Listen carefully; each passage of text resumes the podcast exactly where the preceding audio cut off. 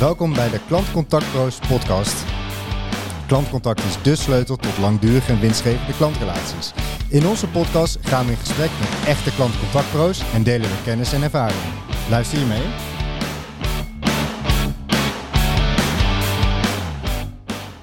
Vandaag gaan we weer in gesprek met een collega uit de branche.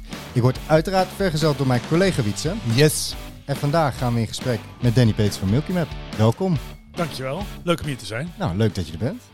Zeker. Danny, voor de luisteraars die jou nog niet kennen, kun je kort vertellen wie je bent, eh, waar je werkt en hoe je in deze branche terecht bent gekomen? Zeker. Mijn naam is dus Danny Peters. Ik uh, ben inmiddels 46 jaar. Zo'n uh, 20 jaar werkzaam in de klantcontactwereld. Um, begon als, uh, als agent in een contactcenter, als bijbaantje. En uh, eigenlijk al die jaren gewerkt op het snijvlak van de klant en de organisatie. In verschillende hoedanigheden, verschillende rollen, verschillende bedrijven. Uh, de laatste zeven jaar als uh, oprichter en, en, CEO van Milkymap. Mm -hmm. En wij helpen organisaties om klantbeleving te verbeteren. door middel van een softwareplatform en door middel van methodieken en training en workshops om organisaties echt te helpen om de draai naar klant centraal te maken. En klantgerichtheid door de hele organisatie te implementeren. Cool. cool. Mondvol, maar dat gaan we zo meteen in detail, denk ik, uh, uh, met elkaar bespreken. Uh, aan mensen die zo lang in het vak zitten, vraag ik altijd: is er wat veranderd? zeker, zeker.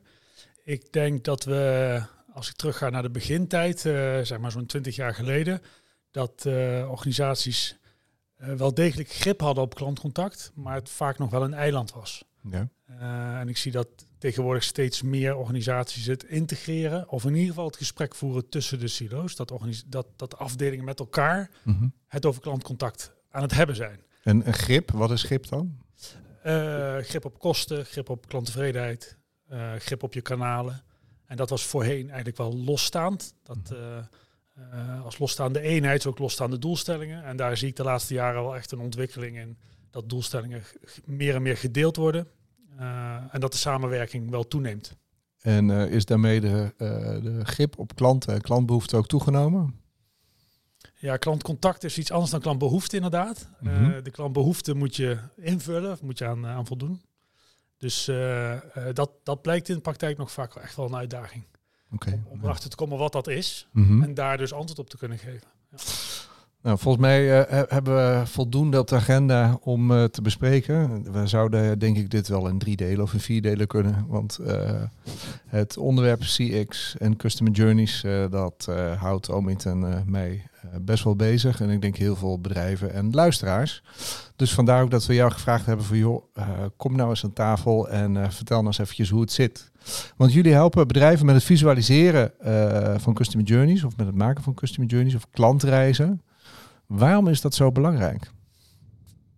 Ja, wat je uh, eigenlijk ziet in de. Uh, om, om die grip te krijgen op die klantbehoeften, om echt te snappen wat, wat klanten meemaken. Uh, als ze door de processen en door de kanalen gaan van een organisatie. dan helpt een outside-in blik, dus dat je echt van buiten naar binnen kijkt. Dat je echt begrijpt en in de schoenen van de klant gaat staan. Mm -hmm. Als je zo kijkt naar je eigen organisatie en je eigen processen dan leer je veel meer dan dat je dat alleen vanuit je eigen organisatie doet en alleen je eigen organisatie optimaliseert. Als je dat doet vanuit de klant, dan is het eigenlijk win-win. Want je, en je gaat meer voldoen aan de behoeften van de klant, omdat je die beter begrijpt. En je weet wat je intern aan moet passen, omdat je dat doet vanuit de, ja, het bewijs zeg maar, van wat klanten zeggen, wat ze vinden. En wat je gezien hebt aan de buitenkant, in plaats van dat je dat alleen maar vanuit de binnenkant doet. Maar is dat uh, niet een aloude wet? Ik weet wel, ik begon ooit uh, mijn HBO-opleiding marketing les 1. En toen kwam meneer Kotler op tafel. En uh, die had het over de, de need, fulfilling the need. maar is dat niet hetzelfde?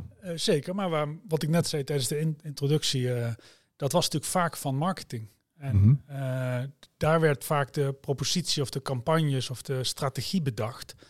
Maar daar invulling aan geven, dat is wel echt heel iets anders. En het dan concreet maken en daadwerkelijk in de uitvoering. Ja, ja. ja door de, ik zeg altijd door alle silo's heen. Dus van ja. marketing naar sales, naar operatie, naar back-office, naar IT. Dus zeg maar die hele lijn. Ja, dan, je, natuurlijk moet je ook bij marketing zijn. Maar je moet ook bij de back-office zijn en bij je systemen waar, ja. waar die, klant, die klantreizen doorheen geoperationaliseerd worden. Ja, daar gaan klanten doorheen. Daar ervaren ze echt de beleving. Is, dat, is dat ook niet, uh, we hadden het bijvoorbeeld in de vorige podcast met Lennart Bardar over, over KPI's die, van, ja, die een bepaalde definitie hebben en zo moet je hem gebruiken, maar niet op die manier gebruikt worden. Is, is dat met de Customer Journey Mapping ook soms het geval dat je dus in de schoenen van de klant moet gaan staan, maar dat organisaties dat juist niet doen en het op een andere manier gebruiken dus eigenlijk? Ja, Customer Journey Mapping is eigenlijk een, een methodiek, het visualiseren van klantbeleving. Dus welke activiteiten onderneemt de klant in welke kanalen door een bepaalde beleving heen, door een bepaald proces of een bepaalde actie of een bepaald live event. Ehm, en je legt dan al die belevenissen, zowel functioneel als emotioneel, die visualiseer je. Dus die, die modelleer je, die, die, ja, die, die map je, zeg maar, die leg je vast. En op basis daarvan ga je daarbij zoeken, hoe doen we het eigenlijk op deze stappen? Op deze kanalen, op dit moment in de reis. Ehm, en daar kan je doelstellingen aan vasthangen, maar die doelstellingen zijn, zijn ja, die zijn heel breed. Ja. Dat kan zijn dat je nieuwe klanten wil hebben of meer sales wil of cross- en deepsell wil doen. Maar het kan ook zijn dat je kosten wil besparen of dat je efficiëntie wil verhogen. Ik, ik eh, herinner me nog een project wat wij deden lang geleden, Wietse, waar we dat op elkaar gemapt hebben. Dus we hebben de, de externe klantbeleving met, met de, de, de beoordeling van klanten op die klantbeleving in de klantreizen, verschillende klantreizen uitgewerkt. En daar hebben we de interne performance tegenaan gehangen van de processen. Ja. En daar zag je de één op één link tussen wat klanten buiten meemaakten op momenten in die reis, dat intern dat ook issues waren. En dan kan je zeggen, ja, dat is al oud en dat is logisch. Maar op het moment dat je het bewijst, dan weet je ook precies op welk moment, bij welke klantgroep, op welke plek in de journey je dan dingen moet aanpassen. En hoe je het verschil kan maken en wat dan de impact gaat zijn. En daarmee kan je laten zien uh, dat, dat je het beter doet. En ja, je gaf net aan, uh, is dat niet heel logisch? Hè? Dat, uh, als je het hebt over vanuit de klant kijken naar je eigen organisatie. Ik vergelijk het eigenlijk wel altijd met hoe procesmanagement is ontstaan. Hè? procesmanagement is natuurlijk nog steeds een, een belangrijke driver achter optimalisatie en efficiënt uitvoeren van je organisatie. Ja. En het beheersbaar hebben van wat je doet in je organisatie. Maar we hebben natuurlijk al 40 jaar lang uh, lean management en, en optimalisatie van de interne organisatie uh, op de agenda gehad. Mm -hmm. En we hebben eigenlijk pas 10 jaar, de afgelopen 8 tot 10 jaar, zijn eigenlijk pas, is eigenlijk pas echt klantbeleving als van, van buiten naar binnen kijken is op de agenda gekomen. En uh, die mix maakt, maakt het heel bijzonder, maar maakt het ook moeilijker. Omdat je zowel marketing sales, hè, zeg maar daar waar extern klantcontact is, daar waar je initieel klanten wil binnenhalen of wil behouden en intern, die afdeling moet je er ook bij hebben. Ja. En ik heb een klantcontactachtergrond, dus ik vond het tien jaar geleden zeer boeiend om de journey mapping methodiek te ontdekken. Omdat ik daarmee in een workshop ook altijd alle silo's, inclusief de eindklant, in een ruimte had. En wat er dan gebeurt, dat is eigenlijk al super winst voor organisaties. je hebt marketing, sales, operatie, back-office en uh, IT, soms zelfs finance. Dat is magie wat daar gebeurt in dat soort nou, sessies. ik was een soort mediator. Ja. Je bent een mediator om die mensen met Tussen elkaar te laten praten. En daar kwam, ik, daar kwam ik even op vanuit die KPI's, eh, wat Ja. jij net zei, Omid. Die, die KPI's komen op tafel en zeggen, ja, maar daar sturen wij helemaal niet op. We, we hebben ooit een project gedaan voor een, eh, voor een krantenabonnement, voor een, eh, voor een eh, krantenorganisatie. En eh, ja, daar was de retentie, was, eh, dat was echt dramatisch. Er liepen zoveel mensen weg na één, één jaar en één dag. En toen hadden we dus de straatverkopers hadden we Ja, in, ja. in de workshop. En die hoefde er niet bij, want dat was toch allemaal duidelijk. Want die deden op zaterdag de krantverkoop op straat. En die zeiden ja. Dus ik vroeg aan hun, hoe verkopen jullie? Wat zijn jullie argumenten? Wat zijn de needs, zeg maar, Mhm. waardoor iemand door de journey gaat van klant worden? Ze zei, ja, dat, dat is die iPad. Want ja, ze krijgen een iPad als ze een abonnement afsluiten. Ja, klopt. Dus ze kochten bij ons een iPad en ze kregen een krantenabonnement een jaar erbij. En dan vertelde ik ook, nou ja, kan je opzeggen hoor, maak je niet druk.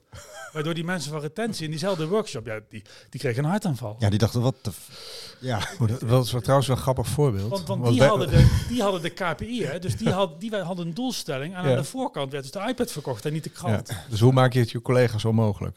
Nou ja, maar dat is denk ik ook wel wat jij zo net aangeeft. En waar, wat wij in de praktijk ook vaak zien, is dat je zoveel eh, KPI's en doelstellingen hebt die eh, met elkaar, ehm, nou ja, Gewoon die, eh, die zitten niet op één lijn. die zitten niet op één lijn. Het werkt elkaar alleen maar tegen. Dus eh, als je op de website alleen maar conversieverhoging moet doen, ehm, en daardoor klantenservice extra workload krijgt of campagnes, et cetera, dan loopt dat niet synchroon met elkaar. Dus dan krijg je dit soort dingen. Maar ik denk even, en dan uh, aan nog aansluitend op uh, mijn op meneer Kotler.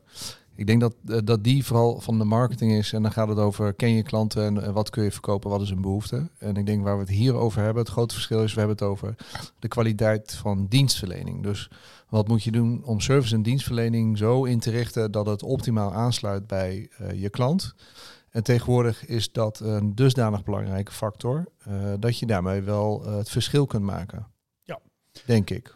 Ja, en dat is de mix van, van je bedrijfsdoelstellingen en je klantdoelstellingen. Wat eigenlijk ook een bedrijfsdoelstelling is, want je wil je klant natuurlijk tevreden maken of loyaal maken, et cetera. Mhm. um, maar, maar die gaan echt hand in hand. Dus maar zijn bedrijven daar heel bewust nu al mee bezig? In de zin van, uh, verkoop is volgens mij bij de meeste bedrijven nog by far uh, het potje waar het meeste geld dan op gaat. En waar ook de meeste tijd en aandacht op gaat.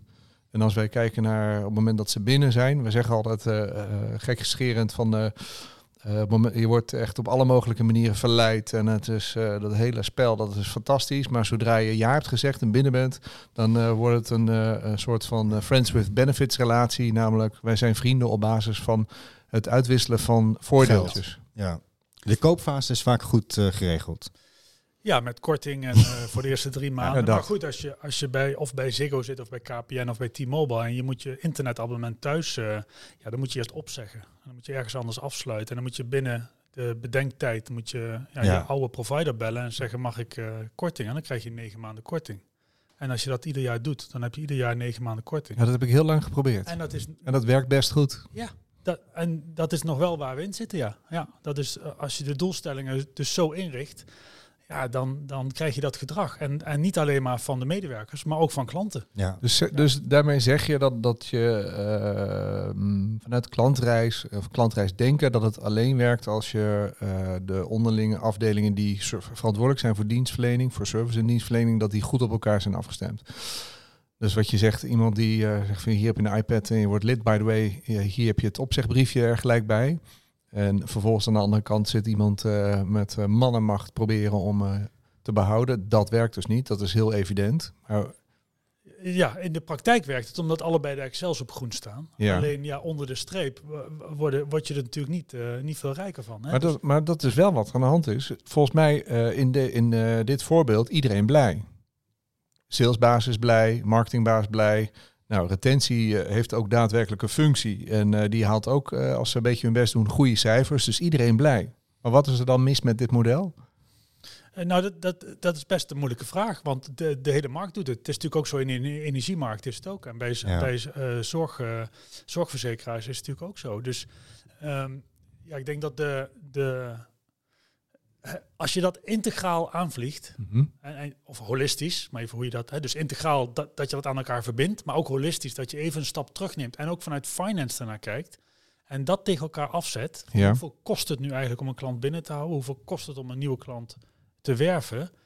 Uh, dan zou dan op het eerste ogenblik ziet dat er groen uit. Jij zeg je, nou, we hebben genoeg nieuwe klanten en uh, retentie gaat ook goed, want we mogen tot aan negen maanden uh, korting geven om iemand te houden, want het is heel duur om een nieuwe te hebben. Nou, ja. Dat trucje, dat pas je toe. En, en als mhm. klant ga je dan gewoon naar een ander. Hè. Je zegt ook op en je gaat zo over. Dus het is ook heel makkelijk om, uh, om weg te gaan. Um, dus, uh, dus ik denk dat als je daar iets vanaf gaat staan en echt vanuit de um, op andere, niet alleen maar de, de argumenten van prijs en van, um, uh, van korting of van diensten die je erbij krijgt als je klant wordt of klant blijft, maar überhaupt holistisch kijkt naar wat, wat leveren we nu eigenlijk? Welke meerwaarde leveren wij als iemand ook klant is? Mm ja. en, en dat is volgens mij de grootste toegevoegde waarde. Maar die is het moeilijkst hard te maken. Hè? Die is het moeilijkst in cijfers uit te drukken. En, en, ja? ja, sorry. Sorry, ja. Ja, dat is het moeilijkst. Dat, dat is heel moeilijk om dat door de hele linie aan te geven waar je moet investeren op welke dienstverlening of welke service door de journeys heen. Mm Dus niet door de alleen maar de lifecycle van klant worden, klant zijn, blijven en weggaan. Maar de journeys daaronder. Wat als er iets gebeurt? Hè? Als er een overlijden is of iemand verhuist. Uh, of iemand uh, heeft een tele telefonieabonnement en schaft een nieuwe telefoon aan. Beide dan op dat moment om te helpen. Weet je dat dat gebeurt? Ja, dat zijn journeys die, die vaak nog helemaal niet tot op detail worden uitgewerkt. Vaak zit het op nieuwe klant of klant blijven en dat, Ja, dat is Dus, het dan. dus de, de aandacht gaat naar andere. De, ja, je focus en aandacht moet op andere items zitten. Andere, andere dingen waar we normaal misschien niet zo heel goed Ja. over nadenken. Ja, en dan En kom je... ja. ja. Sorry, het is toch raar, hè? Want eh, eigenlijk zouden we een keer inzichtelijk moeten maken van, goh, wat als er geen klantencontact is? Wat gebeurt er dan met je organisatie? Dus als je internet wegvalt en je zegt niks, je communiceert niks, eh, je bent niet bereikbaar, wat gebeurt er dan? Weet je, als je die processen niet goed hebt ingericht, wat gaat het je dan kosten? Alleen, je zei zo net KPN, Ziggo, et cetera. Ik denk dat het daar ook vaak gewoon een numbers game is. Dat de RVC bijvoorbeeld zegt, joh, wij moeten gewoon de grootste zijn qua aantallen. Fix het maar. Mhm. En dat daardoor in de operatie en de uitvoering hele andere belangen tot stand komen.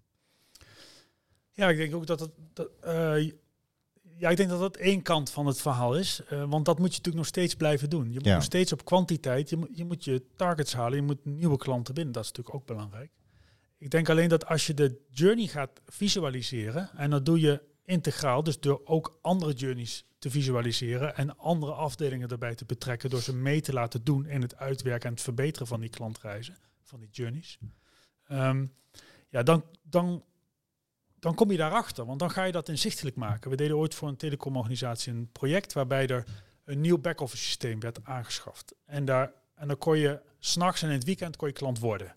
En dat was fantastisch, want dan kon je zaterdagnacht om twee uur kon je klant worden en dan kon je meteen televisie kijken. Dus de, de app was meteen geactiveerd. Dus je had nog niet de modem thuis, dus je had thuis nog geen internet, maar je kon al wel de dienst gebruiken. Ja, Super innovatief, eh, hartstikke technologisch, mooi geïmplementeerd. Dus ik stelde de vraag, ja, als ze dan zaterdagnacht om twee uur klant zijn geworden, Mhm. feestje, mooi, en ze kunnen meteen televisie kijken, en het doet het niet, kunnen ze dan bellen? contact opnemen. Ja. Kunnen ze dan iemand bereiken? Want het was alleen eerste lijn en alleen basisvraag en de rest werd terug bij afspraak. Maandagochtend was je de eerste of de Ja, zoveelste. Ja, Maar er was geen tweede lijn in het weekend. Dus de beleving, de, de inrichting, de techniek was fantastisch, was mooi bedacht, mooi gemaakt. Maar als je daarna je, nou, als je het over save your customers hebt, als je dan iemand klant had worden en dan werkt het niet en Ja. je bent niet, je bent bereikbaar, maar dan wordt er gezegd ja terug bij afspraak, ja dan is van die hele belofte die je hebt gemaakt in zo'n mooi klant worden. Ja, dus de wow, de wow is dan een, eh, eh, wordt opgevolgd door een anticlimax van ja. niemand is er. Juist. Wat, wat, wat, wat, wat doe jij dan, zeg maar, als in, in dit soort situaties? Ja. Want ga je dan eh, klantbeleving versus kosten versus het inrichten van die tweede lijn in de, in de nacht daartegen aanzetten Ja. om te... Ja, Ja, dus ik heb gezegd, wat zou het betekenen als we dat doen? Hoeveel moeten er dan zitten? Hoeveel klantcontacten verwachten we dan? En hebben we dat ervoor over? exact. En of accepteer je dat je voor een aantal die terug afspraken maakt? Hoe vaak gaat dat voorkomen? Dus ik heb geadviseerd, ga deze journey allereerst toetsen bij je klanten. Wat vinden ze daarvan? En ten tweede, ga het langzaam uitrollen. Dus ga zeggen, doe dat in een postcodegebied Ja, of in een, in een segment. En ga dan kijken hoeveel telefoontjes komen erop. En, en dan, ja, dan ga je een keus maken. Willen we die, al die wow-momenten die dat teweeg brengt, weegt dat op tegen die aantal mensen waarvoor we een klanten waarvoor we een terugafspraak maken. Ja, wat, Dus dat is, be- dat is best wel een. eh, dat, dat moet je afwegen met verschillende parameters. Dan kan je ook niet zeggen, ja, goed idee en eh, druk maar door. Want, want de raad van bestuur wil, wil zoveel nieuwe klanten hebben, dus we doen het maar. Zonder dat je beseft wat het in de journey betekent als iemand een ander scenario eh, moet doorlopen. Ja, Omdat iets ja. niet werkt of omdat hij vragen heeft. Ja. Maar Kijk, dit is een interessant punt, want eh, dit begrijpt iedereen. Maar ik denk dat eh, op een gegeven moment eh, de meesten hier ongeveer ophouden. Of dat het gevolg hiervan is dat we eh, eh, in ieder geval kwalitatief onderbouwen waarom we het wel of niet vinden. Dus vaak een mening. Eh, wij zijn natuurlijk heel erg gewend om te sturen op feiten en we zijn gek van de cijfertjes. Dus eh, eh, hoe onderbouw je dit verder? Want eh, ja, je doet een, een hartstikke cool experiment. Je kan, s'nachts kun je hem gewoon aanzetten. Lukt het niet, oké, daar moeten we dan een oplossing voor verzinnen. Maar hoe maak je dan zo'n afweging wat je dan wel of niet gaat doen? Want dit kost geld. Zeker als je zou beslissen om iemand 's s'nachts aan de telefoon te zetten. Dus hoe maak je de, een, gewoon een goede afweging van... hey, dit werkt voor ons... Eh, of dit was gewoon een leuk idee, maar dit gaat op de lange termijn niet werken. Hoe doe je dat?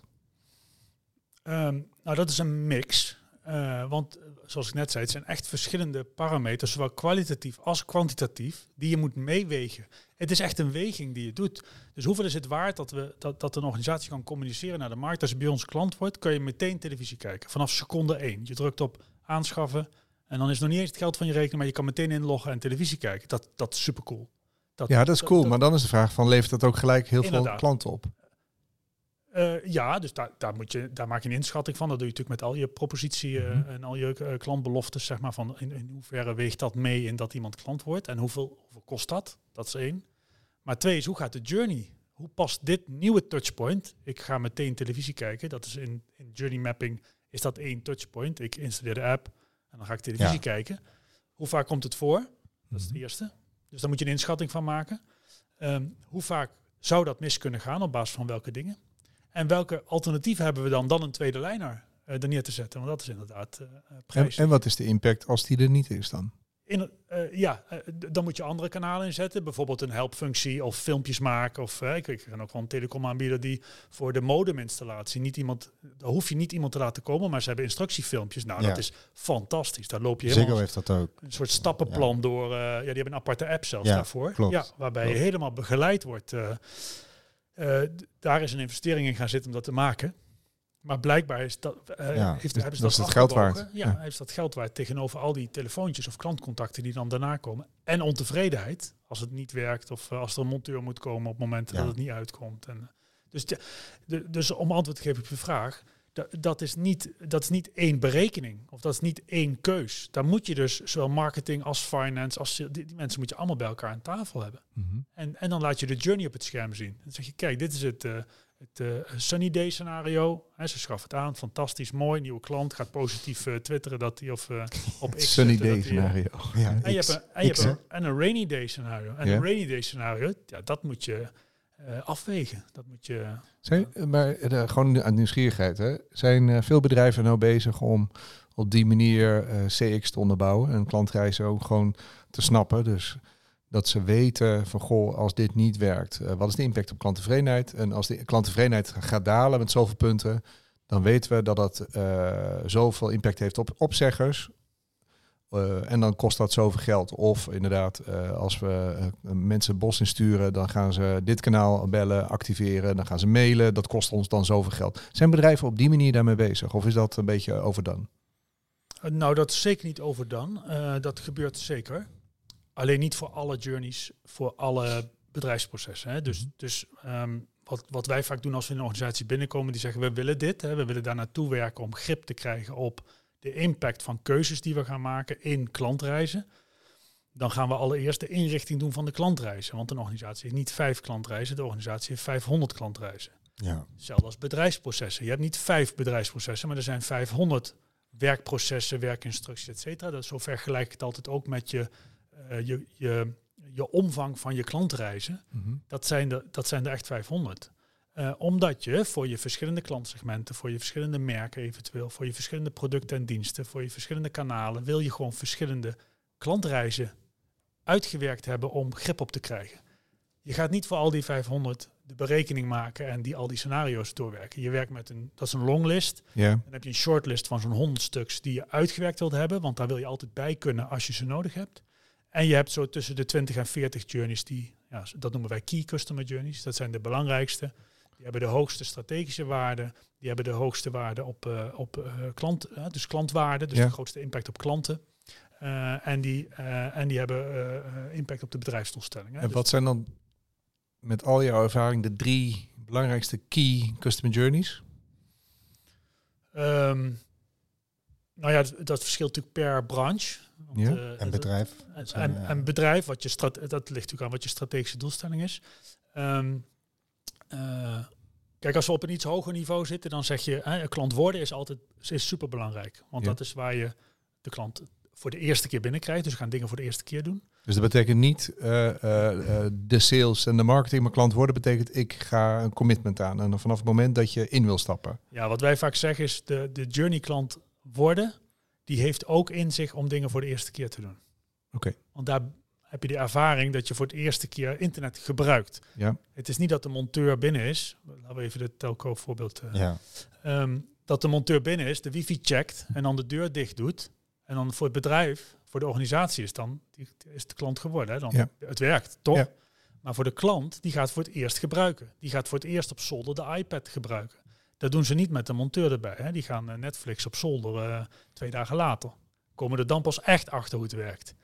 Dat hoort bij klant worden, wat ons betreft. Omdat, Oké. Oké, oké, oké, ja. Is het dan een fase in een klantreis? Ja, ja, Ja. ja, ja, oké. ja. Dus het is niet, eh, ja, ja. Maar die is cruciaal omdat je dan weer hetzelfde effect kan hebben van je hebt hele hoge verwachtingen. Logisch. En dan moet het ook werken. Inderdaad. Ja. Ja. de, de belofte wordt dan Waargemaakt. En, en het is belangrijk omdat je dingen voor de eerste keer doet. Is hoe heb je ze gecommuniceerd daar naartoe? Hoe heb Ja. je klanten meegenomen in wat, wat staat ze te wachten en wanneer hebben ze welke informatie nodig? Je hebt, je hebt niet altijd op minuut één dat, iets, dat je een product aanschaft of oplevert, heb je altijd alles meteen nodig. Hè? Je moet eerst Mhm. iets gebruiken en later heb je misschien wat meer gedetailleerde uitleg nodig of wat meer eh, dingen. En wat is nummer twee?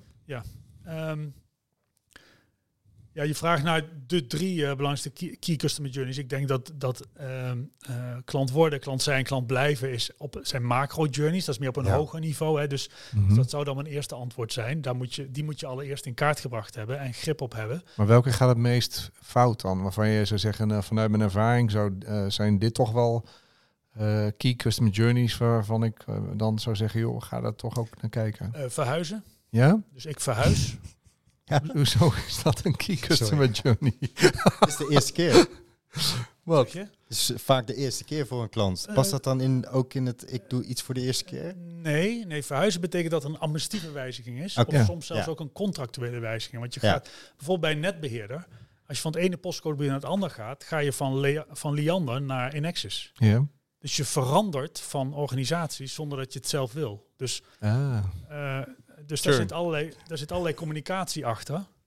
Eh, eh, zodat je over, hè, met meterstanden en eh, kom je op je nieuw adres. Ik deed Ja. voor een waterbedrijf in België heb ik een project gedaan. En die zeiden, we willen het mutatieproces, willen we graag een journey van maken. Ik zeg, nou de klant zegt niet, ik ga muteren. Nee, Die zegt, ik ga verhuizen. Ja. Dus ik vroeg aan hun, welke journey gaan we uitwerken? Zei ze, ja, verhuizen. Zeg ik, ja, maar komt iemand bij- in jullie postcode wonen of gaat iemand verhuizen naar buiten? Ja, zeg, Dat zijn wel twee journeys. Ja. ja, Komt iemand op een aansluiting of gaat iemand weg? ja. Zeg, Dus, dus gaan we twee journey trajecten doen? Of doen we twee journey trajecten in één overzicht, waarbij er een omslagpunt zit en iemand gaat het huis uit. En die moet dan met een papiertje de meterstanden doen. En, eh, dus dat zijn uiteindelijk twee projecten geworden. ja. Ja, je als, als inwoner of als bewoner van zo'n huis ga je weg. Die als eerste gedaan. Dus ik, ik ga verhuizen en dan moet ik dus eigenlijk opzeggen. Ja. En de tweede was, ik kom daar wonen. En hoe gaat dat dan? En die konden we tegen elkaar aanhouden, omdat de klanten in België moesten met elkaar een briefje ondertekenen, fysiek. Dus daar was een, een- letterlijk een touchpoint, een fysiek touchpoint, waarbij de twee klanten met elkaar een formulier allebei moesten ondertekenen. Eh, en die dan opsturen. Net zoals van oudsher de contractovername bij, ja, ja check. En die journeys hebben we toen dus aan elkaar verbonden. Dus verhuizen is, eh, jawel hoor, die komt vaak voor. Mooi. Is- En, en Danny, voor de luisteraars die eh, nog niet zo eh, goed ingeburgerd zijn met de terminologie touchpoint. Ja, dank je. Ehm, in, een, eh, in een customer journey heb je, eh, heb je drie niveaus. Je hebt het, het journey niveau, dus het, het klantreisniveau. Dat is het niveau waarop je de titel, de, de, de omschrijving, zeg maar de, de, de samenvatting van de journey, de persona's die een rol spelen. Dus zeg maar alle elementen die, die over de hele journey gaan. Soms ook een KPI, hè? dus op deze journey scoren wij eh, eh, een NPS van, van X. Dus dat is echt journey niveau. Tweede niveau zijn de episodes. Mhm. Dus de, de verschillende, wat ook wel fases genoemd wordt, de verschillende episodes in een, in een klantreis. Mhm. En in die episodes vinden touchpoints plaats. En, touchpoints zijn activiteiten die klanten doen in een bepaald kanaal met een bepaalde reden. Dus ik bezoek de website om prijzen te vergelijken. Dat zou een, een titel zijn van een touchpoint. En daar heb je kwantitatieve en kwalitatieve data van. Ja. Dat die persoon naar die website gaat om prijzen te vergelijken. Hoe die pagina eruit ziet, hoe vaak daar naartoe gegaan wordt, wat de beoordeling is, wat de conversie is, wat de kwaliteit is, de uptime, et cetera. Wat de, de touchpoint daarvoor en daarna is. Maar een Dus- touchpoint is niet per definitie een kanaal, hè? want dat halen we ook nog wel vaak door elkaar. Ja, in de theorie worden die, eh, wordt een touchpoint ook wel aangeduid eh, als zijnde een kanaal. Dus een touchpoint zou dan online zijn.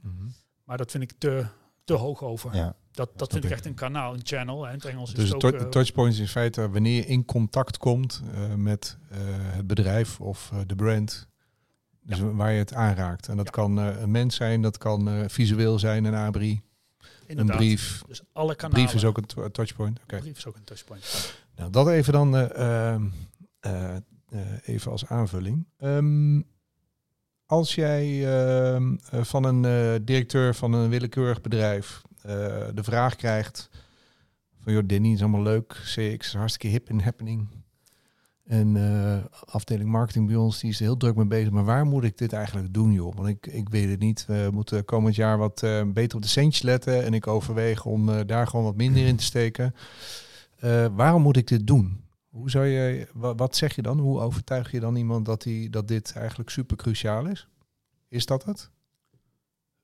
Ja, het is super cruciaal, want het is een meer en meer een onderscheidende factor. Eh, en naarmate dat meer en meer organisaties dat doen, wordt die ook minder onderscheidender. Hè? Dus, eh, en als je het niet doet, dan ga je echt achterlopen. Waarom is het meer onderscheidend dan? eh, omdat je veel beter aansluit bij de beleving en de behoeftes van je klanten. Ja. Je leert en verandert je organisatie vanuit klantperspectief. Maar hoe ver kun je, ga je, ja, wat, wat, wat lastig is misschien dan wel dat iemand zegt, ja, ja, ja, ik snap het. En dat is misschien wel goed, maar ja, ook tot op zekere hoogte, weet je wel. Eh, wanneer is het dan klaar? Ehm, nooit. Dat is hetzelfde met. ik, ik vergelijk het altijd Ja. met, met procesmanagement, omdat het vanuit bedrijfs, eh, zeg maar, vanuit het bedrijfsleven is dat de, de makkelijkste analogie is. Met eh, business process management doe je ook continu. Je Ja, dat klopt. Continu je processen optimaliseren, omdat er dingen veranderen Ja. in de buitenwereld en binnen.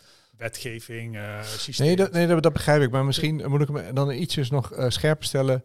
Eh, vanuit, eh, we hadden van de week een post, eh, of Omid heeft een post gedaan, en een aantal, een artikel ook gedaan over, moet je in het contact klanten gewoon goed helpen en dan klaar? Of moet je ze wowen? Of wij noemen dat ook al overservicen. Dat was iets breder. Het was, ging over, moet je, je, wat is belangrijk, een moeiteloos proces, Ja, precies. klantervaring, of Ja. het overtreffen van de performance van klantenservice. Ja, die heb ik gezien. Ja. En hoe sluit dit hier dan daarbij aan? Want je kunt eh, blijven overtreffen. Hij staat te popelen om het te vertellen. Ja, ik ja, zie ja. het We aan gaan, hier, we gaan de volgende keer gaan we hier gewoon een videocamera bij Ja, ja. zetten. Dat zegt veel meer dan deze hele podcast. Non-verbaal, eh, Ja, Dat is precies waarom je customer journey management moet doen. ja. om die vraag te beantwoorden. Want organisaties weten dat niet. Ze weten niet in welk kanaal, in welke reis, op welk moment, bij welke persona ze hoe moeten wowen of overperformen.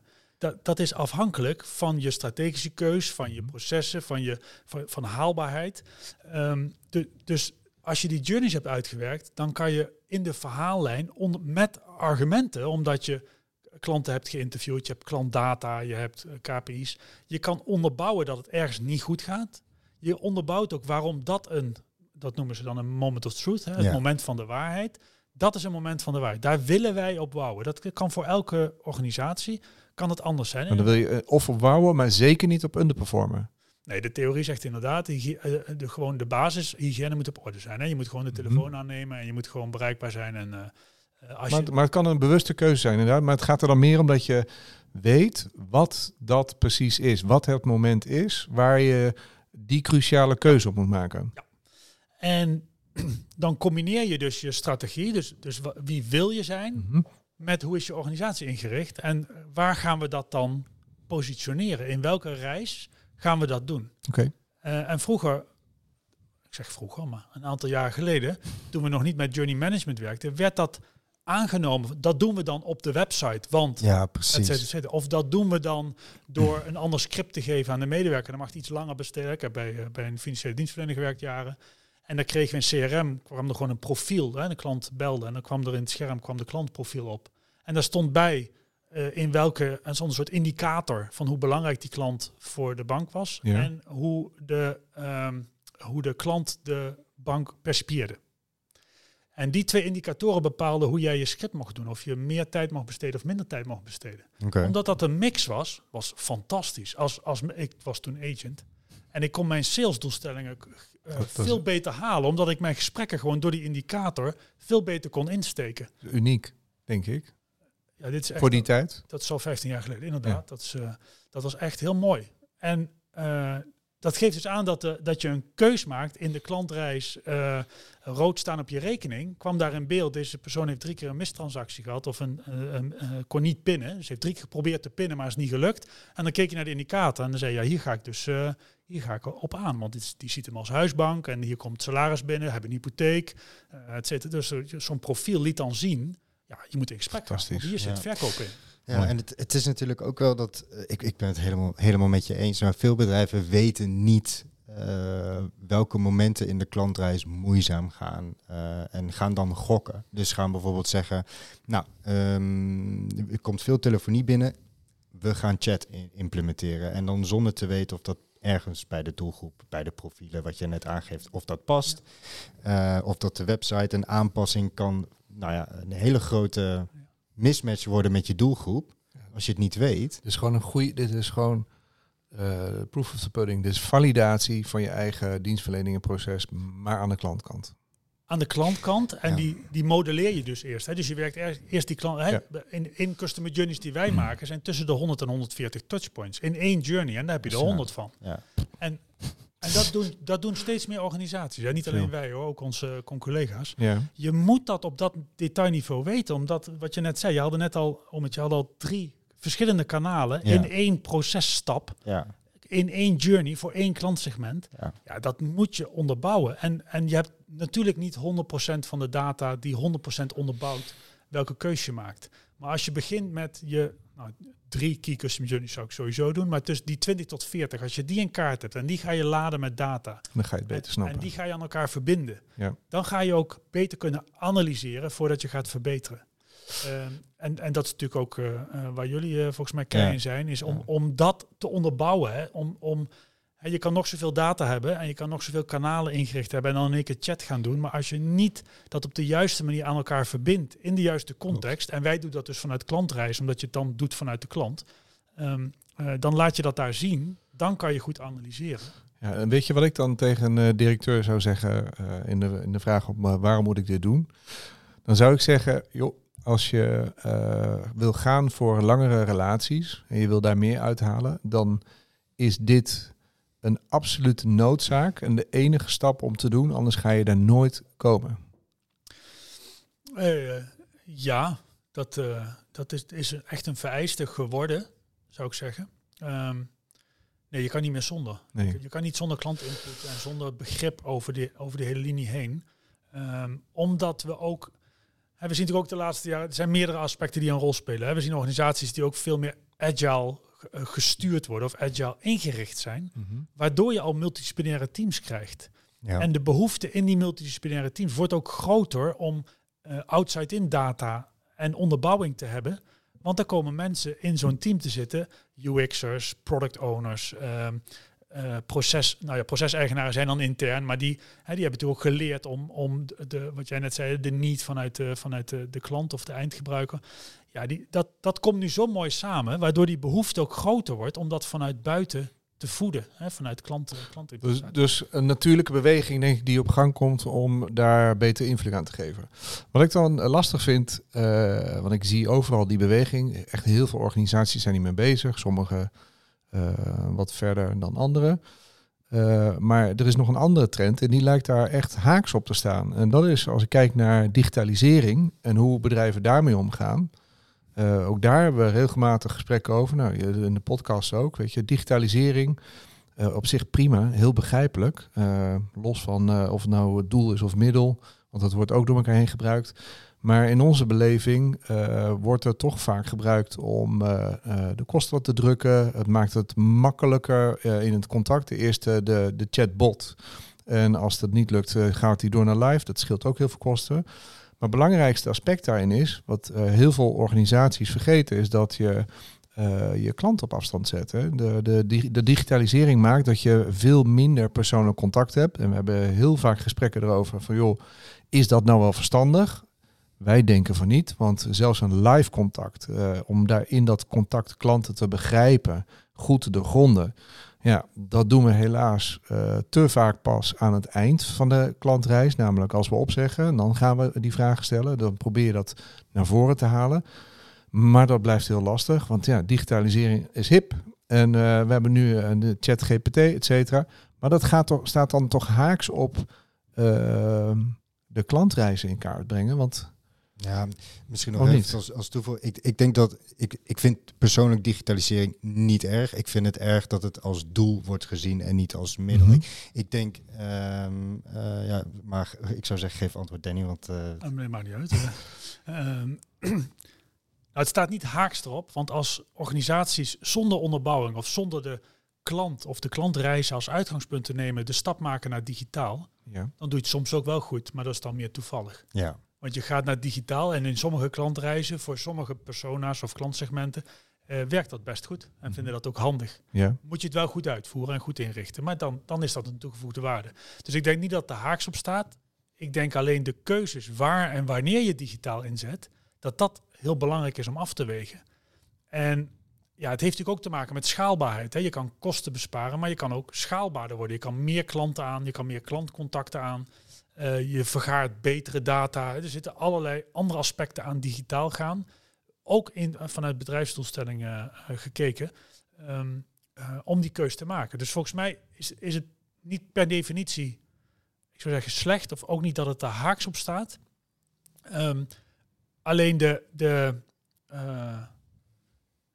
Kijk, je maakt de keuze om digitaal te gaan niet zomaar. Die, die, dat, dat, dat is niet een. De mensen die daar de keuze voor maken, is niet hun doel. Um, want ze hebben daar een reden voor waarom ze dat doen. Mm -hmm. ja. Kan zijn dat ze iemand bij de, bij de golfclub ontmoet hebben die, exact, uh, die ja. bedrijf ja. en zeggen, ja. nou zullen we een mooie deal sluiten. Uh, het kan ook zijn dat iemand het gewoon graag wil, omdat de concurrent het ook doet. Klopt. Um, um, ik denk dat het, het efficiënter maken van de processen is één superbelangrijk doel van, van digitaal gaan. Ja. Um, ik denk dat in de mix van je kanalen het een belangrijk uh, middel is. Het is inderdaad geen doel. Het moet een middel zijn om in de kanalenmix toegevoegde waarde te leveren voor klanten die daar op een bepaald moment in Ja. een bepaalde reis behoefte aan hebben. Ja, exact. Uh, en, en dus dan ook accepteren als, je dat, als ze daar geen gebruik van maken. Okay. Alleen als je je hygiëne niet op orde hebt, en we hebben hele grote corporates uh, in, op deze wereld die hun processen niet op orde hebben, als je dan dat doet, wordt het twee keer zo duur. En zelfs nog veel duurder, want ze gaan dan eerst naar het digitale kanaal. Daar loopt het proces niet, gaan ze alsnog bellen. Ja, dus dan precies. heb je en digitaal ingericht, en daar werkt het niet, en dan gaan ze bellen. En daar hebben we bezuinigd, of we hebben daar de skills wat, uh, wat verlaagd, want dat is niet ja. meer nodig. Want de complexe dingen gebeuren nu online, want dat hebben we mm -hmm. mooi ingericht. Het gaat mis, ze komen aan de telefoon, tevredenheid naar beneden, en dan... Ja. Dus, en dit is heel, uh, heel ge, dus uh, dit is nog veel meer gevoeliger dan ik. Uh, nou ja, maar dacht. ik denk dat het. Nou, maar ja, ik, ik, daarom is het ook zo belangrijk om die klantreis in kaart te brengen, omdat je dan exact weet van op welk touchpoint, op welk moment of truth, welk kanaal zou je dan het beste kunnen inzetten om uiteindelijk dan die klantbeleving optimaal uh, te benutten, om het zo maar te zeggen, of om voor de nou, meest effortless experience te gaan je, in je klantreis. Alleen op die manier kijken organisaties niet. Het is niet, we maken een, een klantreis en dan gaan we plotten welke kanalen en welke momenten ja. en welke touchpoints daar het best bij passen. Het wordt gekeken van, uh, en ik kan hier altijd uren over praten, maar ik vind het echt, echt heel irritant dat het op die manier gaat. Maar goed, van joh, uh, wat jij net zegt, we zijn op de golfbaan, iemand zegt van, ja, ik had vandaag bij dit en dit bedrijf een chatbot, heeft alles voor me opgelost. En die gaat uh, aan de directietafel zeggen en die zegt, moeten we hebben. Dit moeten we doen. En de operatie die denkt, ja, ik weet niet of dit bij onze klanten past. En ik denk dat als je meer op die manier gaat kijken, en dat doen jullie volgens mij, volgens mij ook, dat je veel beter gaat aansluiten bij je, bij je, bij je klanten. En dan ben je aan het werken aan langdurige ja. winstgevende klantrelaties. Maar met, met als aanvulling, dan weet je dus wat de impact daadwerkelijk is. Exact. Wat het doet voor klanttevredenheid, wat het doet op je kosten, wat het doet op je omzet. En daar zit volgens mij de sleutel. Ja. En die laatste stap wordt volgens mij, nou, uh, een nou, beetje generaliseren, maar wordt te weinig gemaakt. Nou, bijna niet, want dat is vaak het startpunt. Ja. We moeten meer omzet, dus Ja. dan gaan we dat maar doen. Of, of we moeten uh, minder kosten hebben. Ja, Uh, dus dan gaan we maar een nieuw kanaal inrichten die goedkoper is per klantcontact. Ja, dat, uh, dat is natuurlijk super risicovol. Hm, dus we hebben nog wat te doen. Zeker, zeker. Okay. En ik denk dat de combinatie, ik, ik denk dat ik er ook mee begon, maar ik denk dat dat een van de, het is echt een kritische succesfactor om dit multidisciplinair aan te vliegen. we, we, ik zou zeggen we, maar vanuit klantcontact. Uh, vanuit klantcontact kan je niet vanuit alleen maar klantcontact. Hè. Niet Nee. vanuit één kanaal. Dat is natuurlijk al, al, al eh, not done dat je vanuit één kanaal redeneert. Maar ook niet vanuit je multichannel of omnichannel inrichting. Kan je niet die keuzes maken of daar een business case of een projectplan op maken. Dat moet je doen met, met de rest. Vanuit strategie, vanuit Ja. Per definitie. je, je systemen, et cetera. Omwille van de tijd. Eén stelling. Nee, we kunnen allebei een stelling. Ja? Ja, ja nee. Dus dat, eh, dat kan prima. Nou, we één hebben we al min of meer eh, gedaan. Is het mogelijk om customer journey mapping te overdrijven en te veel tijd en middelen te besteden aan het analyseren en optimaliseren van elke stap? Nou, eh, ja, dat kan. Dat laat ik nog even eh, heel, met één zin toelichten. Ik zie organisaties die eh, één journey per kwartaal doen. En dan zijn ze dus met 40 journeys, zijn ze dus 40 kwartalen bezig. Ja. Dat, dat zijn organisaties die dan een start maken en die dus één journey pakken en zeggen dat doen we als project.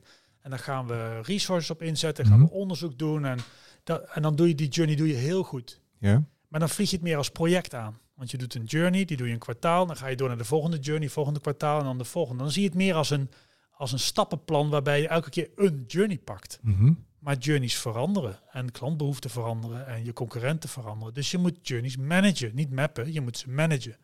Dus je moet journeys uitwerken, veel kortcyclusser dan drie maanden. En op het moment dat je hem hebt uitgewerkt, dat kan in één dag, als je daar een bepaalde methodiek voor gebruikt, heb je in één dag een journey map. En daarna ga je verrijken. En parallel daaraan pak je de volgende journey op. En dan ga je die agile teams voeden, of de product teams, of welke afdeling je ook wil voeden met die journey. En die gaat er dan al mee aan de slag. In plaats van dat je het als project aanpakt. Dus overdrijven kan, maar niet. En dat gebeurt als je het als project aanvliegt. Belangrijke aanvulling. Oké, Niet doen. Oké. Stelling 2. Soms is het beter om af te wijken van de ideale customer journey. Om aan de unieke behoeften en individuele, eh, van individu- individuele klanten te voldoen. Zelfs als dit kan resulteren in, in een oniconsistente, sorry jongens, het is vrijdag, inconsistente ervaringen. Wat? Oké, dus soms is het beter om af te wijken van de ideale customer Dankjewel. journey om aan de unieke behoeften van individuele klanten te voldoen. En daarmee dus het risico dat je Ja. inco- inconsequent wordt. Maar de vraag is, wat is inconsequent? Ik was blij dat ik dit uh, de voorbereiding toegestuurd heb gekregen. Dus ik, ik En Wietse ik niet had- heeft veranderd. En ik hem gelezen. Ehm, dat is, eh, het is natuurlijk fantastisch als je frontline, dus de mensen die klantcontact hebben, eh, fysiek of eh, telefonisch of in de winkels, et cetera, als die de klantreis snappen. Hè, dus wat organisaties die echt al een stapje verder zijn, die gebruiken de klantreizen bij het inwerken van nieuw personeel. Mhm. Dus je komt binnen, je krijgt training. Wat is dit bedrijf? Oké, en dit, dit zijn de klanten en die maken dit mee. En dan krijg je die klantreizen, die, Mooi. die 20 klantreizen, die, krijgen, ze- die studeren ze en dan snappen ze wat klanten meemaken in de verschillende kanalen. Dan is het mooi als medewerkers dat snappen, weten waar ze doorheen gaan, kunnen anticiperen waar ze naartoe gaan in de volgende stap, maar ook weten waar ze vandaan komen. En dan kunnen ze afwijken, Ja. maar bewust. Op basis van een aantal Ja, eh, argumenten. Van deze klant heeft het nodig. Of ik heb mijn doelstelling nog niet gehaald, dus ik moet hem even dit aanbieden. of hoge klantwaarde, wat jij net zei. Of ja. ik wil die klanten blijer maken, dus ik ga iets extra's doen, eh, omdat ik daar nu ruimte voor voel of ruimte voor neem. Moet je natuurlijk wel mogen. Mhm. Maar- Maar op het moment dat je die klantreis snapt, kan je dus ook zelf bepalen wanneer je inconsistent wordt om die, die, die superieure klantbeleving te leveren, als dat een doel is. Hè? Vol- Dus volgens, mij, volgens mij is de grootste toegevoegde waarde in deze dat je überhaupt leert dat, eh, eh, hoe klanten naar je kijken. Als je binnen een bedrijf komt, dan heb je moeite om eh, processen, producten, systemen, et cetera. maar leren hoe word je beleefd, dat is eh, eh, denk ik voor de meesten al de grootste eye-opener. Ja, maar wat jij net zegt met de onboarding van nieuwe medewerkers, vraag gewoon aan een aantal klanten waar wij zitten, of, of, of waar, waar Danny zit, van aan de medewerker, aan de frontline bijvoorbeeld, joh, eh, wat maken klanten nou eigenlijk mee als ze door de reis gaan? Ja. Nou, ik Geen idee. zal nog één korte anekdote doen als het mag. Ja? Mag. Ehm, ik werkte bij, uh, bij ABN AMRO, daar ben ik mijn carrière begonnen, uh, met heel veel plezier en veel geleerd. En daar was ik in de bedrijfsrestaurant en daar zag ik, ik was toen agent aan de telefoon. En dan zag ik mijn collega's met pasjes van ING, van Rabobank, uh, SNS.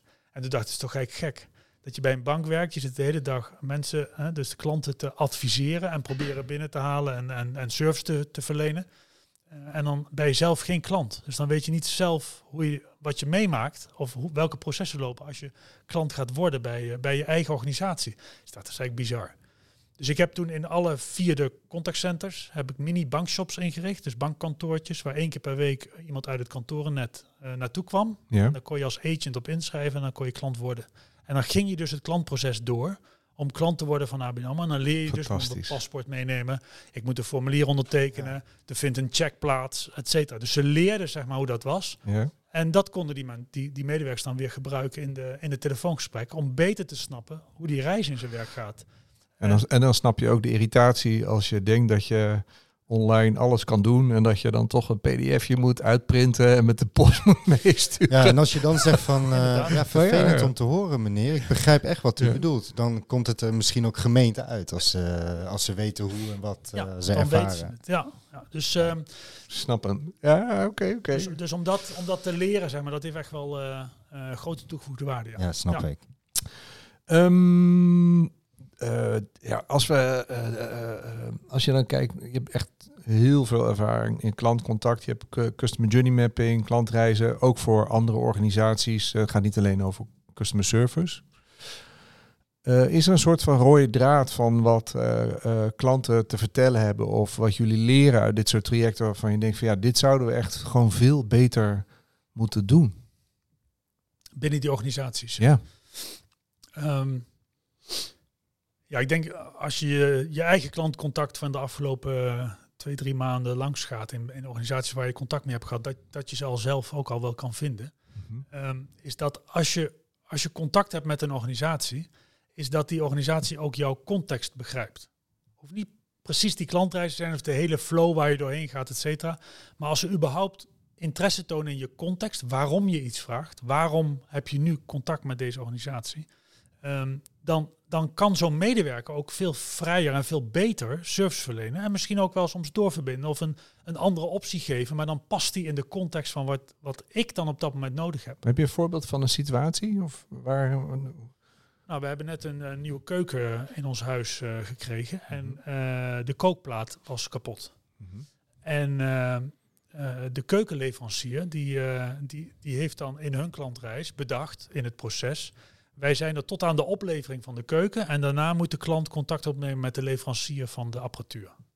Okay. Uh, dus, dus dan houdt het op. Stond in het contract ergens in de kleine letters. Dus die kookplaat is kapot. Dus wij uh, gaan het bellen. de tweede dag gebruiken. En ik ga bellen naar die keukenboer en zegt... Uh, nou, voor deze ene keer ga ik het melden bij de keukenleverancier. Die nemen dan contact met u op.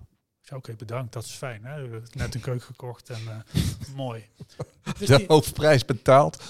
Dus die, dus, nou, heel veel korting natuurlijk. Ja, ja, ja. ja maar, was geen Duitse keuken dan, Danny. Maar, maar nog, steeds, uh, nog steeds een behoorlijk bedrag natuurlijk. En uh, uh, die keukenleverancier, of die, die, die apparatuur, dus de leverancier van de apparatuur, die, die moest contact gaan opnemen met mij. Maar ja, dat gebeurde niet. Dus ik ging terug naar de keukenleverancier, want ik dacht, ja, die hebben toch mij beloofd om dat te doen. Ehm, nou, ze wisten dus niet uh, wat de status was. Dus dat is een van de belangrijkste, uh, als je over een rode draad hebt of een element wat in alle trajecten terugkomt, is status. Ja. Weet de organisatie in elk kanaal wat de status is van mijn vraag, mijn klacht, mijn bestelling, mijn, wat dan ook. De status is eigenlijk, uh, komt, komt eigenlijk overal terug. Um, maar dat wist deze partij niet. Dus ik zei, ja, geef me dan maar het nummer van de leverancier. Ja, dat staat dan in de documentatie, want je hebt natuurlijk verschillende merken die ze verkopen en daar kon ze allemaal niet bij houden. Dus ik moest gaan zoeken. Gevonden, ik gebeld. Ze wisten natuurlijk nergens iets van dat er een melding was geweest. Dus dat moest allemaal nog aangemaakt worden, vertraging. Ze zijn bij ons geweest. En uh, nou, de printplaat was kapot van de kookplaat, dus die is meegenomen. Ze hebben een nieuwe besteld. Dat is nu vier maanden geleden. Maar je hebt nog steeds geen nieuwe vier maanden geleden. Dus ze, hebben geen contact opgenomen, er is geen, helemaal niks. Dus ik ben weer teruggegaan naar de keukenleverancier. Want dat was voor mij natuurlijk de partij waar ik de keuken gekocht heb. Ja. Of dat nou apparatuur is of een kastje. Wat you don't care, ja. ja, ja dus, dus en die heeft het geld op zijn bankrekening staan. Dus ik heb vorige week, uh, we nemen dit nu op uh, net voor kerst. Dus ik heb vorige week een, een klacht ingediend, een formele klacht. en daar aangegeven, ja, het is bijna kerst. En ik kan dus niet koken op mijn volledige kookplaat, want hij doet het voor de helft met kerst. En ze belde dus van die keukenleverancier. En ik zei, ja, of je gaat het nu regelen, of we gaan andere stappen ondernemen. Want Trek die keuken er maar uit. Ik, ja. wil gewoon dat mijn keuken vervangen anders. Oh ja, ik ga even contact opnemen. Dus die persoon is weer contact genomen met de leverancier. Nou, dat was dus een paar dagen geleden. Ik, uh, ik moet nog uh, iets horen. Uh, om, en ze gaan dus nu pushen om hem te vervangen. Dus niet om die nieuwe printplaat. Want die ah, dat is fijn. Dus maar de, inderdaad, klantcontext, ja. Maar dus dat is, dat is een rode draad. Is, als je de klant context snapt. Ja. En daar ook de vrijheid voor krijgt in je proces. Mm -hmm. dan kan zo'n medewerker daar ook echt iets voor betekenen. Want ja, ja, voor mij is het gewoon onbestaanbaar dat, dat, dat je een keuken krijgt die niet werkt. En dat zo'n keukenleverancier zegt, ja, maar dat is apparatuur, dat zit niet bij ons. Ja, en dat, is, dat is ook wel wat wij vaak terugzien, is dat uh, de fase, of laten we zeggen de episode om uiteindelijk klant te worden, uh, dat, dat is vaak wel goed ingericht. Dan zijn mensen hebben heel veel mandaat met korting geven, et cetera. Ze kunnen heel veel, ze kunnen heel veel beloven. Uh, je loopt de deur uit en je hebt die mail al, de offerte en de stappen die, die allemaal gaan ondernomen worden. En dan uh, is eigenlijk je, je, je financiële transactie is gedaan. Ja, en dan val je in een soort van zwart gat. Ja. En dan ben je nog steeds wel klant, maar in dit geval niet. Nee, niet meer. Nee, van hun was ik echt geen klant meer. Nee, nee de keuken was geïnstalleerd. En de monteur ja. had afgetekend dat die geïnstalleerd is. Ja. En dan val je in een, uh, in een gat. Dus als je het hebt over, uh, je vroeg van wat is de rode draad die, die klanten melden. Dus dat, dat is inderdaad status en, en context. Dus, context, dus begrijp je mij begrijp je wat ik nu vraag? Dus ken, je, ken, je, ken je het product uh, wat iemand gebruikt of de dienst die iemand gebruikt? En op het moment uh, dat je contact opneemt met een probleem, heb je enigszins een idee van wat de impact daarvan is voor een persoon? Ja. ja zeker als je richting kerst gaat hier wil koken. Ja, dat, uh, dat snapt toch iedereen, zou je zeggen. eigenlijk compleet achter. En al nog, heb je er nog eentje? Eentje, alles voor wat betreft waar, waar je zegt de rode draad hier, Twee rode draden dan? Hier, kijk, even van, van als je nou zegt van joh, uh, we gaan de toekomst in. Nou, we, weet je, dit moet je gewoon gaan doen. Wil je überhaupt kunnen groeien als organisatie? Uh, wat zou, waar moeten bedrijven dan de komende vijf jaar gewoon meer aandacht aan besteden? Nou, ik denk dat de, dat, dat, dat hangt een beetje samen met de context in het proces. Dat is een voorbeeld wat ik net genoemd ja. heb. Wat ik steeds meer zie gebeuren in organisaties is dat het ecosysteem in kaart gebracht wordt. Dus dat is een journey waarbij je een deel van de journey is rechtstreeks met de organisatie. Mm -hmm. Dus dat is gewoon als ik klantcontact heb in een kanaal van de organisatie. Dus ik, heb, ik raak het merk rechtstreeks aan. Um, maar als je snapt, en wij zien in praktijk dat dat ongeveer zo'n 20% van een klantreis is, omdat ideaal is om dat in kaart te brengen, dat die 20% gaat over het ecosysteem. Dus welke organisaties of systemen of, of onderdelen vinden nu daaromheen plaats. Hè? Dus ik ga verhuizen, ik koop een huis, mm -hmm. dan is notaris. Ja. Dus als ik financiële dienstverlener ben en ik, ik lever een hypotheek, mm -hmm. dan is notaris zit in dat ecosysteem. Ja. En dan moet je dat ook begrijpen, hoe daar de klantreis gaat. Waarom dan? Uh, nou, dat is nogal een belangrijk moment dat je gaat tekenen en dat, dat het geld wordt overgemaakt. Ja, dat snap ik. Dus maar, dat, dus maar, dat, maar dat is, ja, dat zijn toch losstaande events? Of kun je dat niet zo zien? Nee, ja, oh, die, echt, ik ga de videocamera de volgende keer erop zetten. Maar nu kom je dus eigenlijk op het punt ja. wat, jij net, wat jij net uitlegt. Is van, uh, je hebt meerdere klantreizen die misschien niet verbonden zijn aan het brand, maar wel voelen als, ja, maar ik heb dit bij jullie. Juist. Hoezo weten jullie hier niet iets van? Juist. Net zoals bijvoorbeeld uh, een internet, oh, van de keukenleverancier naar ja, ja dus, ah, oké. Okay. Ja, de apparatuur. Dat is het juist, ecosysteem. Juist. Voor hun is dat, voor mij was het, voelde het niet eens als een ecosysteem, want ik dacht gewoon, ik koop hoort een keuken, erbij. hoort erbij. Ja. Ja. Maar blijkbaar was het voor hun dus een aparte, is een aparte journey, hè, dat er iets is met mijn apparatuur. Want als het iets met de kastjes is, had ik wel bij hun moeten zijn, maar de apparatuur niet. Hebben ze mij niet uitgelegd. Als ze dat gedaan Uh, hadden, als ze dat begrepen hadden, dat dat kan gebeuren. En nee, dat klopt. Ik heb hetzelfde voorbeeld, uh, daarna moet je maar corrigeren als het niet zo is, maar om even te verifiëren of ik het begrijp. Toen uh, ik voor het eerst uh, ging ondernemen, zelfs, zelf, toen moest ik mij moest ik een bedrijf oprichten. En toen kwam ik bij de bank en dan moet je een rekening openen. En vervolgens is dan de volgende stap dat je naar notaris gaat en gaat tekenen voor de oprichting. En op het moment dat je daar dan bent, dan uh, moet de bank die uh, moet dat bankrekeningnummer uh, opgemaakt hebben. Dat moet bestaan. En dan krijg je eerst een soort van tussenfase dat het nog niet definitief is. En op het moment dat je ingeschreven bent, dan is het definitief. Dus op de dag dat ik daar zat, zo trots als een pauw, ehm, kreeg ik dus te horen dat we niet gingen uh, tekenen voordat ik van de bank dat papiertje had gekregen waarvan de bank had uh, beloofd dat ze dat zouden doorsturen naar de notaris. Dit is een heel mooi voorbeeld. Dus zowel de eh, de Kamer van Koophandel, Mhm. als de bank, Ja. als de eh, notaris, als de eh, Belastingdienst. Alle vier zit, spelen onderdeel bij jouw journey. Ik start een bedrijf. Ja. Dus je zou kunnen zeggen, al die vier die organisaties zouden diezelfde journey in hun eh, repository Ja. moeten hebben als journey. Ja. Nou ben ik een organisatieadviseur en ik help startende ondernemers. Mhm. Zou cool zijn als ik die journey ook had. Ja. Want dan weet ik dat jij hier doorheen gaat en had ik jou kunnen behoeden voordat dit gebeurt. En dan heb ik, hè, zou ik extra waarde kunnen leveren en meer klanten kunnen aantrekken. Omdat ik als vijfde partij dat ecosysteem snap. Maar dat is, maar is dan een eh, mooi nieuw bedrijf. Bestaat Wietse. Oh. Die, al- die al die ecosystemen snapt? Ja, maar ja, wat jij de- net ook zegt, Danny, is wel grappig. Waarom noemen we het dan weer ecosystemen? Moet het weer een sexy woord krijgen? En is het niet iets wat gewoon geïntegreerd is in, Ik vind het wel een mooi in, woord. in, in, ehm, ehm, eh, in de huidige journeys? Ja, Snap je wat eh, ik bedoel? Het, het lijkt alsof soms weer Nou, iets meer... Ja, je moet er wel een ander woord aan geven, omdat het wel iets anders doet. Hè? Dus het heeft wel echt een andere functie. Het zit dat- buiten jouw eigen systeem. eigen buiten je eigen bubbel. Ja. Hè, dus, dus in eh, de Experience Economy van Pine en Gilmore, die zeggen ook dat de, de Ja. toplaag is echt de purpose. Je moet invulling geven aan, aan de zingeving van de klant. En daarvoor moet je echt wel meer snappen dan alleen maar het product of de dienst of de experience bovenop die dienst.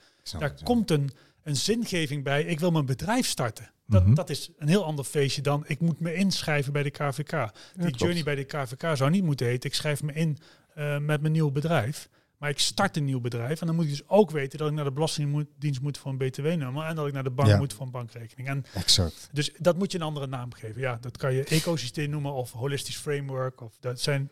Als je nou, als je nou eh, we, we moeten wel gaan afronden, maar Ja. eh, als, als je nou kijkt naar nou, customer journey mapping, customer journeys, et cetera. Wat zijn nou specifieke trends of ontwikkelingen eh, die je graag nog wil eh, delen met de luisteraars? Of zijn die er niet? Kan ook natuurlijk. Vast wel.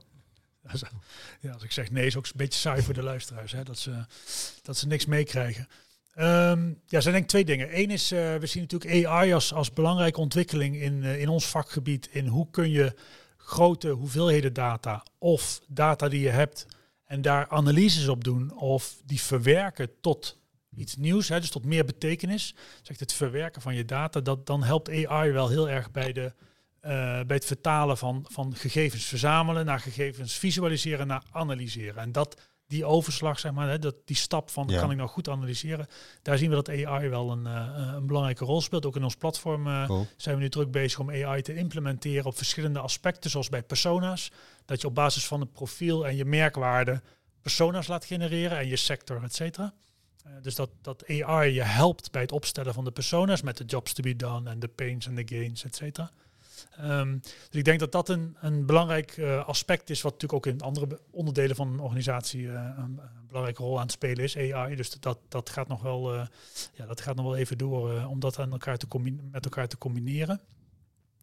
Ik denk een andere ontwikkeling die we zien is dat als we kijken naar journey management, dus het implementeren van het werken met journeys, is dat dat zowel strategisch wordt aangevlogen, dus we maken een keuze als organisatie om dit te gaan doen. Dus we gaan onze organisatie besturen vanuit klantreizen en niet vanuit onze bedrijfsprocessen. Ehm, dat is een, fundamentele keus die we steeds vaker gemaakt zien worden. Ehm, ik denk dat PostNL een mooi voorbeeld is die met de Journey Factory hebben neergezet eh, dat de journeys leidend zijn bij het maken van keuzes eh, eh, voor teams om, om bepaalde processen of systemen aan te passen. Hartstikke mooie, mooie keus. is niet altijd makkelijk, maar wel dat zien we echt als trend. Dus dat is strategisch. En de, de tweede ontwikkeling in, dat, in, dat, eh, eh, in die richting zien we operationeel. Dus het inrichten van journey management betekent ook iets voor de governance en de verantwoordelijkheden Ja. van medewerkers. Van wat ze moeten, eh, wat ze doen in hun dagelijks werk om klantreizen te verrijken, daarop te sturen, daarop samen te werken en ook die gesprekken, de dialogen met collega's te hebben vanuit klantreizen. Wat maakt dat de gesprekken veel efficiënter, veel beter, veel waardevoller worden. Omdat je dat, nou, dus daar begonnen we de podcast volgens mij mee. Waarom doe je dit? Eh, om de grip, grip te krijgen op dat outside-in perspectief eh, van je organisaties. Dus eh, Ja, Super interessant. We moeten nog een keer een podcast opnemen. Ik kan nog wel uur praten. Gaan we zeker doen. We zijn binnen drie kwartier eh, gebleven. Nee. vandaag. Denk het niet. Oh. Denk Nee, niet. nee, nee, nee, nee. Nee, dat gaan we nog doen. En er zijn best wel wat onderwerpen die we willen aanraken. Maar goed, om het een beetje behapbaar te houden, eh, gaan we toch dan maar afronden. By the way, eh, als jullie eh, als luisteraar, eh, de luisteraars denken, hier wil ik echt wat mee. En volgens mij is er voldoende verteld waar je mee aan de slag zou kunnen. Maar eh, neem dan even contact met ons op, op eh, of kijk even op de website saveyourcustomers.nl of eh, bel even met Omid of met mij. Nummers staan volgens mij ook op de site. En dan eindigen we nu met de laatste vraag. Zoals we die aan al onze gasten stellen. Wat is jouw beste klantervaring ooit geweest en waarom? Ehm, ja, En voor jou is dat natuurlijk een, een vraag die je al heel vaak beantwoord hebt, of nog niet? zeker, zeker. Maar ik probeer natuurlijk elke keer een andere te doen. Vind ik leuk. Ehm, ook om mezelf een beetje scherp te houden, om in het dagelijks leven ook op te letten in wat, Ja. hè, wanneer, wanneer heb je nou echt, wat, wat is nou eigenlijk een goede klantbeleving? Hè? Dat Ja, is ook een, eh, Dat is voor jou gewoon een bijna filo- filosofische vraag, toch? Eh, ja, het is natuurlijk waar je over nadenkt als, Ja, je, exact. eh, als je ergens naartoe gaat om, om je auto op te laden en je gaat daar naar binnen. Wat, wat komt er iemand naar je toe of niet? Welke vraag wordt er gesteld? Ja, het is een beetje beroepsdeformatie, maar het is natuurlijk wel. Ja. ja, het is natuurlijk mooi om, om, dat, om dat te zien. Nee, ik, ik, ehm, ja, ik denk dat ik eh, uit de, uit de reiswereld heb je eh, hele mooie voorbeelden over wanneer, wat is nou een goede beleving? Wanneer heb je nou een mooie vakantie? Of eh, hè, wanneer onthoud je nou iets dat je, dat je zegt, nou dat was nou eigenlijk een, een reis die was fantastisch. En ehm, eh, het gaat natuurlijk om waar je op terugkijkt. Hè. Kahneman zegt ook altijd, eh, Daniel Kahneman is een, eh, een wetenschapper die heeft heel veel onderzoek gedaan naar de experiencing zelf. Dus je, wat je ervaart tijdens de klantreis en de remembering zelf, dus dat wat je onthoudt van de klantreis. Ja. En eigenlijk zegt hij, het maakt niet, hè, er moeten wat pieken en dalen in zitten. Ehm, eh, dat is belangrijk, want als er een dal in zit, dan onthoud je ook de piek. Mhm. Dus eh, anders valt die piek niet op. Als je één neutraal doet en je scoort alleen maar negens, dan ga je het niet onthouden. Mhm. Dus dan is die niet Daar gaan we het de volgende keer over dan, hebben. dan is die niet memorabel. Ja. Dus de klantreis waarbij je eerst iets meemaakt wat heel vervelend is en daarna wordt dat fantastisch opgelost, Ja. dat is wat je het best onthoudt. Oké, dus, eh, dus je wacht eh, op een, een, een supergoed vervolg van jouw keukenavontuur. Ja, ze hebben zoveel kansen. Ze hebben zoveel kansen nu om een geweldige, om die journey af te ronden. Die hun al lang afgerond natuurlijk. Tuurlijk. Maar als ze hem nu nog openmaken, die journey, en weer verlengen en nog touchpoints toevoegen, dan hebben ze echt... eh, Maar vertel, het, het voorbeeld. Nou, we waren op vakantie in Costa Rica. Ja. En we gingen in een alternatieve, eh alternatief huisje hadden we gehuurd ergens in de jungle. Mhm. En eh, het was een stel die dat vuurde, was een lokaal stel. En dat was gewoon via Airbnb. Dus het was nogal uh, hygiëne en plat door gewoon online te boeken. En dat zag er allemaal heel commercieel uit en zo. Maar de foto's waren wel heel romantisch en heel hè, in de ja. jungle Mooi, ja. aantrekkelijk. En in de natuur. En het was dicht bij het strand. En, eh, dus daar wilden we graag naartoe. Nou, de touchpoints die plaatsvonden toen we daar aankwamen, die waren gewoon zo goed ingericht dat Mhm. mij het opviel, maar ik denk andere toeristen eh, misschien iets minder. Ehm, door het pad ernaartoe, wat je moest afleggen zeg maar, om bij de woning te komen, tot aan of je wel of niet kon parkeren, tot aan wat er in de koelkast zat. En toen kwam het stel, een van de twee, die kwamen de sleutel brengen en die kwamen dan uitleggen. Nou, we hebben die mensen, hè, die, die meneer die dat kwam uitleggen, zoals als stel, maar zij gingen wat andere dingen doen. En die man, die heeft ons daar ja, de, de intro gedaan van hoe het daar is, wat je daar kan doen, et cetera. En voor hun is het natuurlijk moeilijk, want sommige toeristen die zijn helemaal op zichzelf. En die willen gewoon, eh, ja, die willen helemaal niks te maken hebben met degene die, die, die, eh, zeg maar dat huisje hu- verhuurt. Ehm, maar hij deed op zo'n natuurlijke en zo'n mooie manier om ons mee te nemen in wat je daar allemaal kon doen, dat hij erbij kwam zitten en we hem een biertje aanboden. En dat hij gewoon, dat we daar meer dan een uur gepraat hebben over hoe hij aan het huisje kwam, et cetera. en hielp ons dus met uitleggen wat we zouden kunnen gaan doen daar en eh, hoe het daar was, et cetera. En toen dacht ik, dit is zo'n moeilijk, eh, moeilijke keus voor hem om te maken om wel of niet bij mensen aan tafel te gaan zitten. En dat deed hij zo van nature, dat ik denk dat hij bij andere mensen het ook helemaal niet doet. Dus dan is het een goedkoop touchpoint, want hij kan gewoon weer iets anders gaan doen. En is gewoon sleutel afgeven, zeg veel plezier hier. Maar bij ons proefde die, of nou, hij wilde het misschien ook, hè, want hij deed het echt ja, zeg maar, super, eh, super leuk en super gemotiveerd. Ja. Dat het voor ons echt een start was van dat huisvuur, wat ik nog steeds herinner. Want ik Ja, denk, cool. hij heeft op zo'n leuke, zo gezellige manier. En daarna hebben we hem ook bijna niet gezien. Als we hem nodig hadden, konden we wel een berichtje sturen. En dan kwam hij wel even en dan, dan legde hij wat uit of dan deed hij wat. En voor de rest was het oké. maar dat eerste aankommoment was, had hij dus echt over nagedacht wat je daar Ja. aantrof. En, en Ja. hoe die ons ontving, dat was... eh, Dus dat, dat is eigenlijk de take-out. We moeten gewoon eens goed nadenken over het proces waar iedereen doorheen gaat. En eh, jezelf even vast eh, nieten aan, eh, aan het begin en kijken hoe je door je bedrijf heen gaat en wat er dan gebeurt. Ja, dus eh, Wel cool. ik zou zeggen, iedereen even lekker door de klantreis en kijken welke extra waarde je kan toevoegen.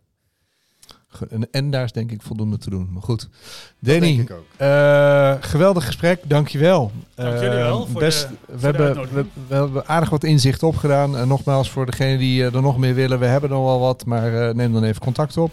Dus dankjewel dat je er was. Sluit nog een keertje aan. Succes want, met de we zijn keuken, eh, zijn volgens mij nog niet uitgepraat. Nee. Dankjewel, En, dank voor de uitnodiging. Leuk om hier geweest te zijn. Nice. En voor alle luisteraars, dankjewel voor het luisteren. Ik zou zeggen, laat nog even eh, vijf sterren achter eh, als je dan toch eh, op dit moment aan het luisteren bent. Als je aan het rijden bent, doe dat dan als je stilstaat. Bijvoorbeeld. Zo, Bijvoorbeeld. eh, bijvoorbeeld. En dan horen we jullie en zien we jullie de volgende keer weer. Dankjewel. Dankjewel, tot de volgende keer. Doei doei. Hoi.